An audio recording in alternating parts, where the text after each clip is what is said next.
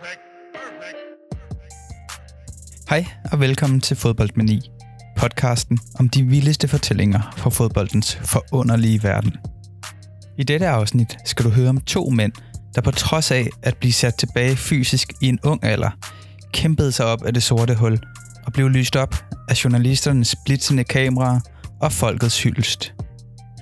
Du skal høre om den enarmede bandit, der tog den irske liga med storm i 60'erne, og den guddommelige enarmede, der sikrede sig en helt speciel status i Uruguay i 30'erne.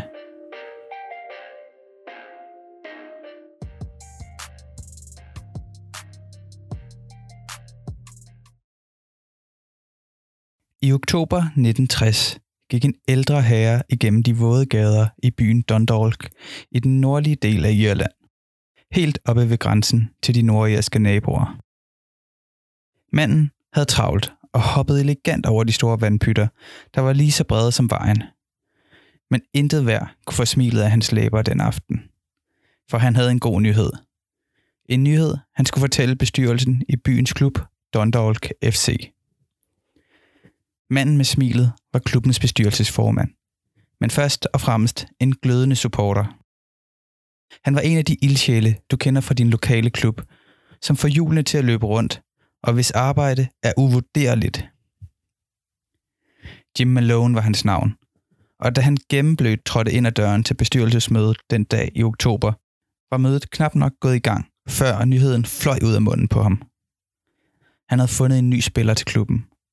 En spiller, der bankede kasser ind i klubben Newry Town, lige på den anden side af den nordirske grænse.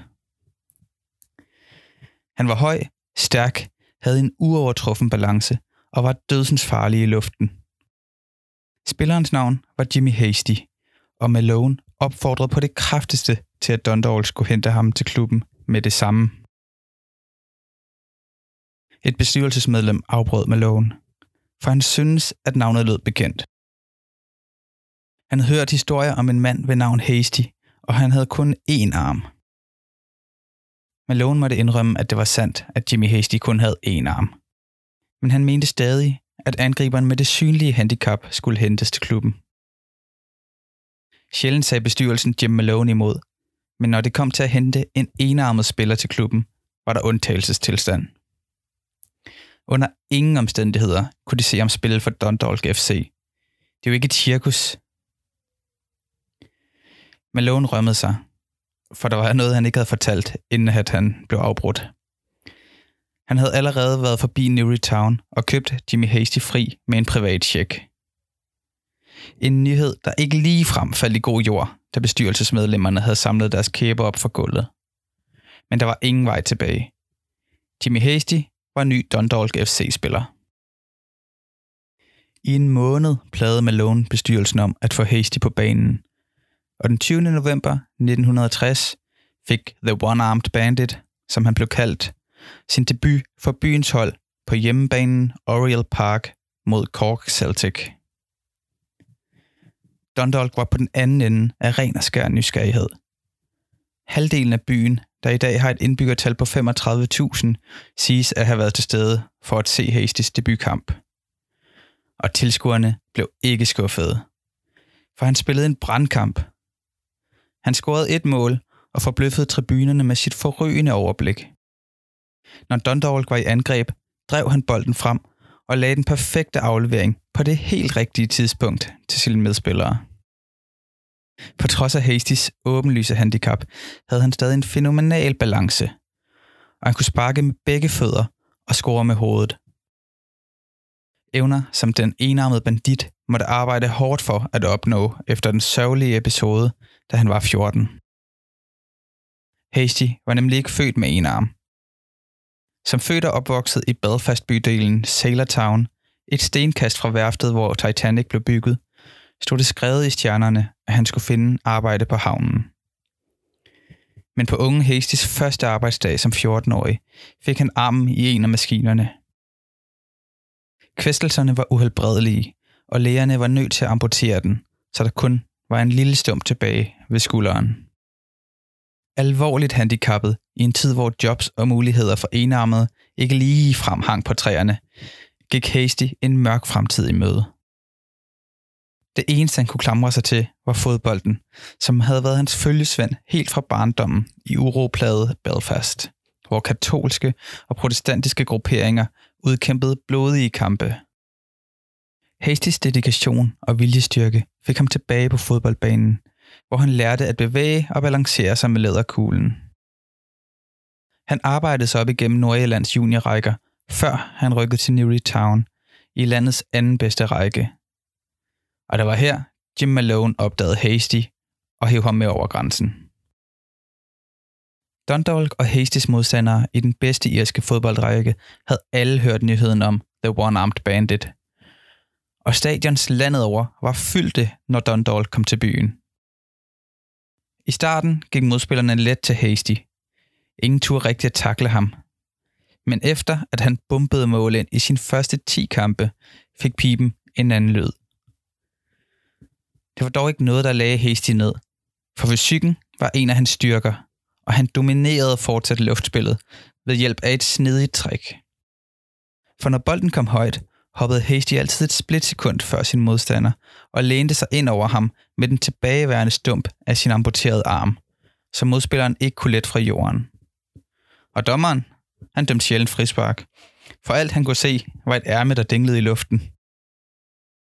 Jimmy Hasty var en held blandt voksne og børn i Dundalk, hvor det ikke var unormalt at se unge på byens baner rende rundt med den ene arm inden under blusen, når de spillede fodbold.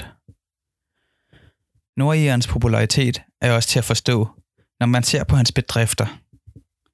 På seks sæsoner scorede han 103 mål i 170 kampe og opnåede holdmæssig hæder, da Dundalk FC vandt mesterskabet for første gang i 30 år i 62-63 sæsonen. Og derudover vandt han personlige triumfer, da han blev ligatopscorer i sæsonen 63-64 og vandt titlen som årets spiller i 64-65 sæsonen. Præstationer, der fik den engelske klub Nottingham Forest til at overveje at hente Hasty. Det eneste, der stod i vejen for købet, var den manglende arm, der gjorde det umuligt at få en forsikring. Så intet udenlandsophold på den anden side af det irske hav til Jimmy Hasty. Men Dundalks mesterskab i 1963 gav klubben og Irland et lille Europa-eventyr. For triumfen gav adgang til den indledende runde i mesterholdenes Europa Cup, hvor de stod over for to opgør mod svejsiske fodboldklub Zürich. Første opgør på Dundalks græs blev en spand koldt vand i hovedet på irerne, hvor overlegne Zürich kunne rejse hjem med en 3-0 sejr i bagagen. Til returopgøret var Dundalks trup så skadespladet, at succeskriteriet var at undgå endnu en større ydmygelse. Men Hasty var i flyvende spilhumør, da kampen blev fløjtet i gang. Han lavede både en assist til holdkammeraten Dermot Cross og et mål selv, før han ramte stolpe ud, da han bragede bolden op på overliggeren. Det sensationelle comeback udeblev, og kampen endte 2-1. Men den enarmede bandit kunne rejse hjem til den grønne ø med æren af at have orkestreret Irlands første europæiske sejr i historien. Med status som et ikon i klubben fra det nordøstlige Irland, trak Jimmy Hasty sig tilbage fra fodbolden i slutningen af 60'erne, for at vende hjem til barndomsbyen Belfast i Nordirland. Her giftede han sig med sin barndomskæreste Margaret og fik to sønner, Paul og Martin. Livet i den nordirske hovedstad var dog ikke fredeligt. Kampene mellem katolske nationalister og protestantiske unionister, kendt som The Troubles, var på sit højeste, da Hasty vendte hjem. Protestantiske demonstranter begyndte at angribe katolske kvarterer, hvilket betød, at den katolske gruppe IRA blev gendannet. Det resulterede i en regulær borgerkrig, og Storbritannien sendte kampklædte tropper over det irske hav. En handling, der førte til den tragiske episode, der er kendt som Bloody Sunday den 30. januar 1972, hvor britiske soldater skød og dræbte 13 katolikker og sårede yderligere 17 efter uroligheder blandt protestanter og katolikker i byen Londonderry. I mellemtiden havde Hasty fået job hos en bookmaker i Belfast. En tidlig morgen i oktober 1974 kyssede han sin familie farvel og gik den sædvanlige rute mod sit arbejde. Bag ham hørte han den skingre lyd af en bil, der bremsede hårdt op, og en bildør, der åbnede, før tre øredøvende skud blev affyret.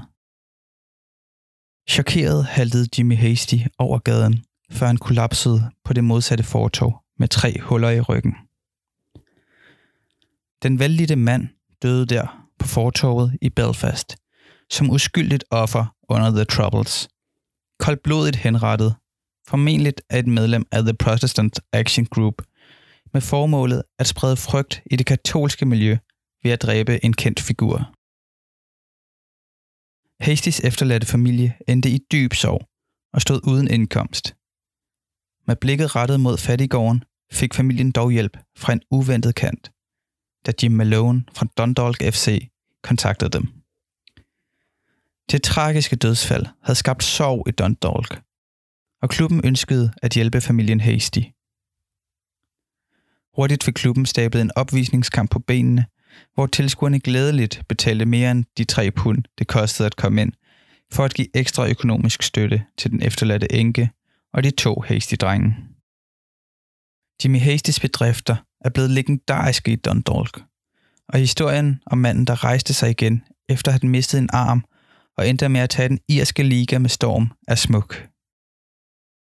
Den dag i dag er der kommet mere ro på situationen i Nordirland. Tilbage står bogen Lost Lives, som dokumenterer over 3700 dødsfald fra den skrækkelige periode i Nordirlands historie. Og hvis du bladrer frem til side 483, finder du navnet på Jimmy Hasty som offer nummer 1205. Det var historien om The One-Armed Bandit, der tog den irske liga med storm. Nu krydser vi Atlanten og retter snuden mod Sydamerika, nærmere bestemt Uruguays hovedstad Montevideo. I starten af 1920'erne rendte en ung fyr ved navn Hector Castro rundt i Klub Atletico Lito, en lille klub nord for hovedstaden Montevideo i Uruguay. Ligesom Jimmy Hasty havde han et særpræget kendetegn. Hans højre arm var amputeret ved albuen efter en arbejdsulykke, da han som 13-årig fik skåret den af af en elektrisk sav. En ulykke, der gav ham tilnavnet El Mango, den enarmede. Og kælenavnet fik senere en lille udvidelse i form af Divino, altså guddommelig. Det tragiske uheld skulle dog ikke stoppe den unge Hector Castro fra at følge sin drømme i fodboldens forunderlige verden. Udover sit åbenlyse kendetegn, blev han kendt på de uruguayanske baner for sin stærke fysik, hurtighed og en tordenstøvle, der fik nettet bag modstanderens målmand til at blafre. De smukke tekniske finurligheder måtte de andre spillere dog stå for, for Castro var fra den sorte skole, hvor knæene var beskidte og armene lå i hovedhøjde i luftduellerne. Alle knep galt, og han var kendt for at bore stumpen af sin højre arm ind i siden på modstanderen, når de steg til værs efter bolden. Uden for banen var han kendt for at feste, gamble og være damernes ven. Men på banen var han en fremtidens mand på fodboldens største scene. Det varede heller ikke længe, før et større klubber fik øjnene op for Castro. Selveste Nacional, som er en af Uruguays to største klubber, kontaktede ham, da han var 19 år gammel og kort tid efter skrev Castro kontrakt med hovedstadsklubben.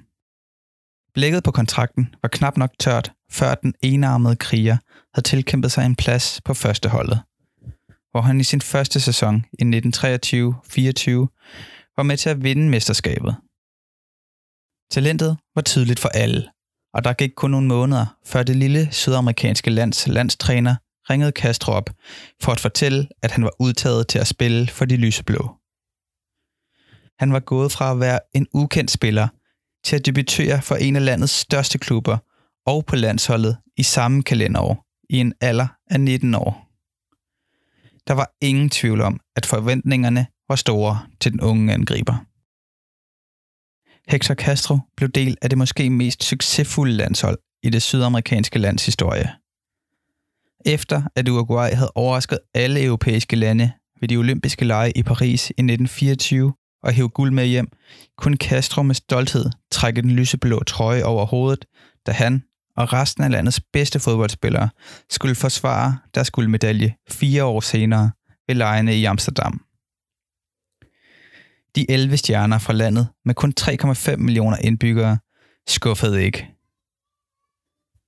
Med overbevisende sejre over Tyskland og værterne fra Holland stod de over for de bitre rivaler fra den anden side af Rio de la Plata. Argentina stillede inden kampen spørgsmålstegn ved Uruguays guld fire år for inden, da de ikke selv deltog i turneringen. Der var lagt op til et brav af en kamp. Over 250.000 mennesker søgte billetter til datidens største fodboldopgør. Men kun 28.000 kunne komme ind på det olympiske stadion i Amsterdam at overvære en intens finale, som var alt andet end en walkover for uruguayanerne. Finalen endte 1-1, og dengang betød det, at rivalerne skulle ud i en omkamp tre dage senere, hvor Uruguay og Hector Castro hævde guldet hjem endnu en gang med en 2-1-sejr. De lyseblås triumf gik ikke ubemærket hen hos FIFA, der i løbet af 20'erne havde kæmpet for at stable historiens første verdensmesterskab i fodbold på benene.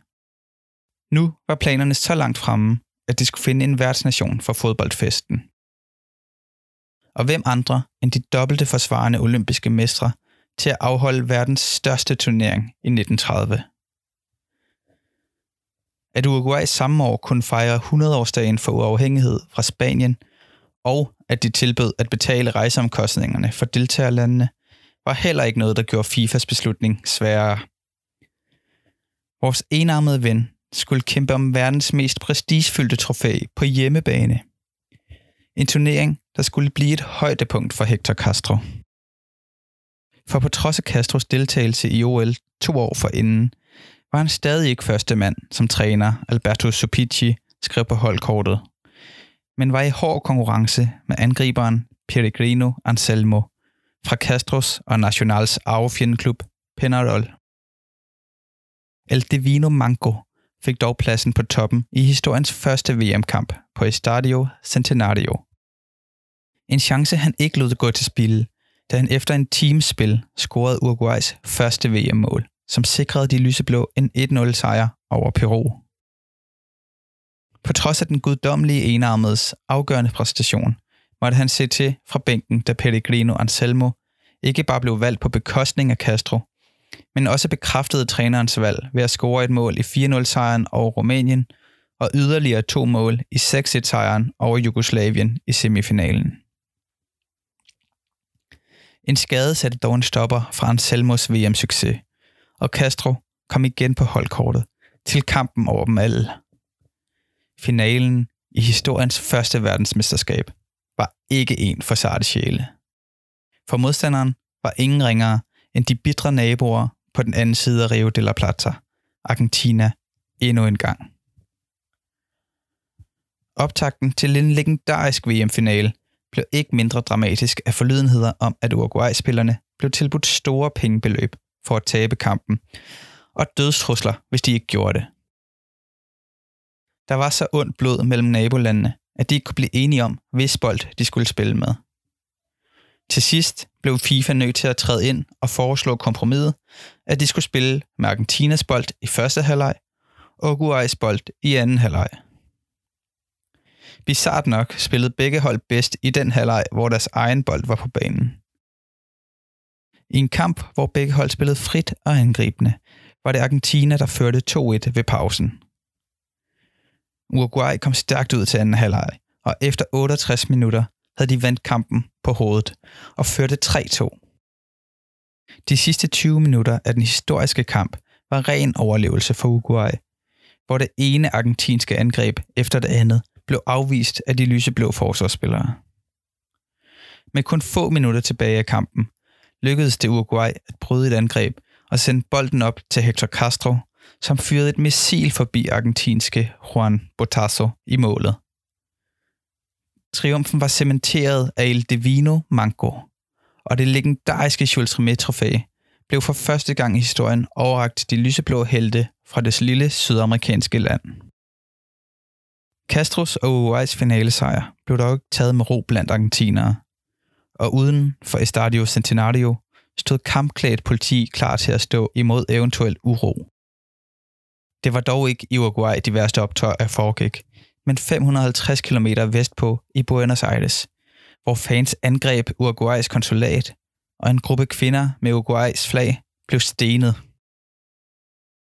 På klubniveau gik det heller ikke altid stille for sig for Hector Castro. Som 20-årig var han med til at vinde mesterskabet med National, men derefter trådte den succesrige klub ind i en trofætørke, hvor der skulle gå næsten et årti, før de igen kunne kalde sig mestre i 1933. Men vejen til dette trofæ var anderledes. Mesterskabet skulle afgøres blandt National og ærkerivalerne Penarol.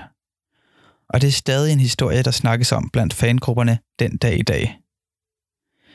Den vilde historie starter med et indkast i den afgørende kamp mellem de to rivaler. Bolden var tydeligt trillet ud over sidelinjen. Faktisk så tydeligt, at bolden ramte en af lægernes førstehjælpskasser og røg tilbage på banen og hen til en Penarol-spiller. Af en eller anden vanvittig årsag så linjedommeren det ikke, og Penarol-spilleren udnyttede forvirringen og løb ned og scorede sejrsmålet. Nationalspillerne tabte hovedet og overfaldte dommeren. Tre spillere fik rødt kort. Dommeren var så hårdt medtaget efter overfaldet, at han var nødt til at give fløjten videre til en af linjedommerne for at få spillet de sidste 20 minutter af kampen. Om linjedommeren ikke lige følte for at dømme den kaotiske kamp, ved jeg ikke. Men han fløjtede i hvert fald kampen af, så snart han fik fløjten i hånden, med begrundelsen, at det ikke var lyst nok til at fortsætte. Farsen var total. Der gik to måneder før kampen blev spillet, og i mellemtiden bestemte ligaen, at Penarols mål blev underkendt, og en af de tre nationalspillere, der så rødt, fik annulleret sit røde kort. Så Nationals 9 mand stod over for Penarols 11 i 20 minutters dramatisk fodbold, to måneder efter, at dommeren første gang fløjtede titelkampen i gang. Ingen tilskuere havde adgang til den dramatiske kamp, hvor National kæmpede som galt det livet. Da de 20 minutter var over, stod den stadig 0-0, og kampen måtte ud i to gange ekstra tid af 30 minutter, hvor der stadig ikke blev fundet en vinder. Altså var de nu op på 150 minutter, uden at nogen af holdene havde scoret. Der måtte endnu et returopgør til, men det vil jeg ikke bruge meget tid på at fortælle om, for det endte også 0-0 efter ordinær og dobbelt ekstra tid.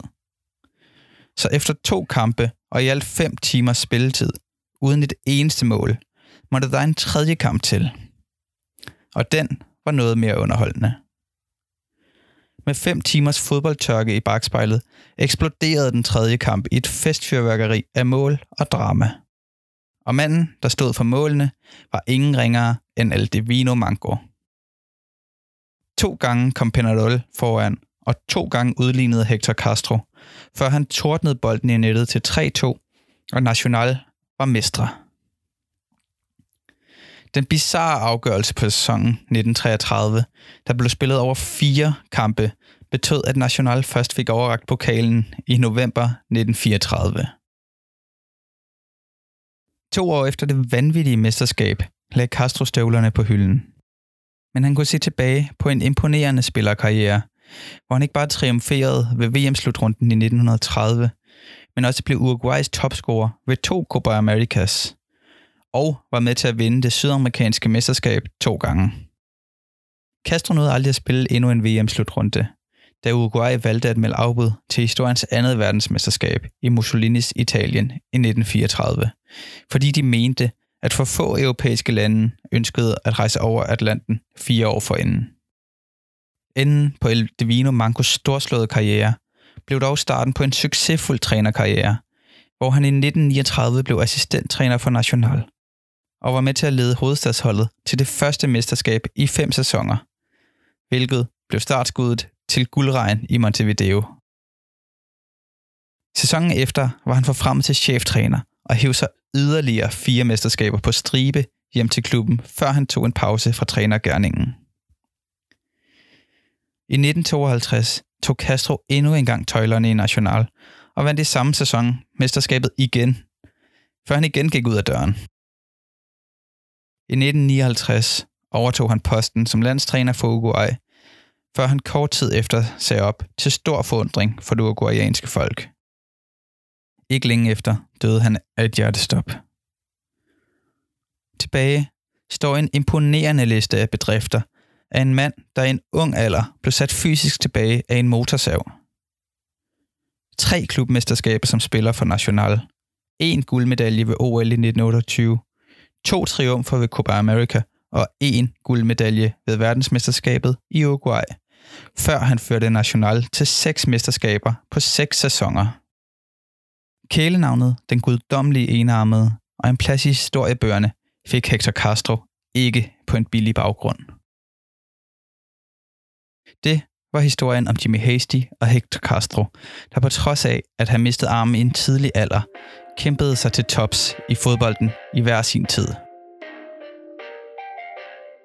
Hvis du vil høre flere vanvittige fodboldhistorier, så følg Fodboldmini der, hvor du hører podcasts, og følg også øh, Fodboldmini sider på Facebook, Twitter og Instagram. Vi ses.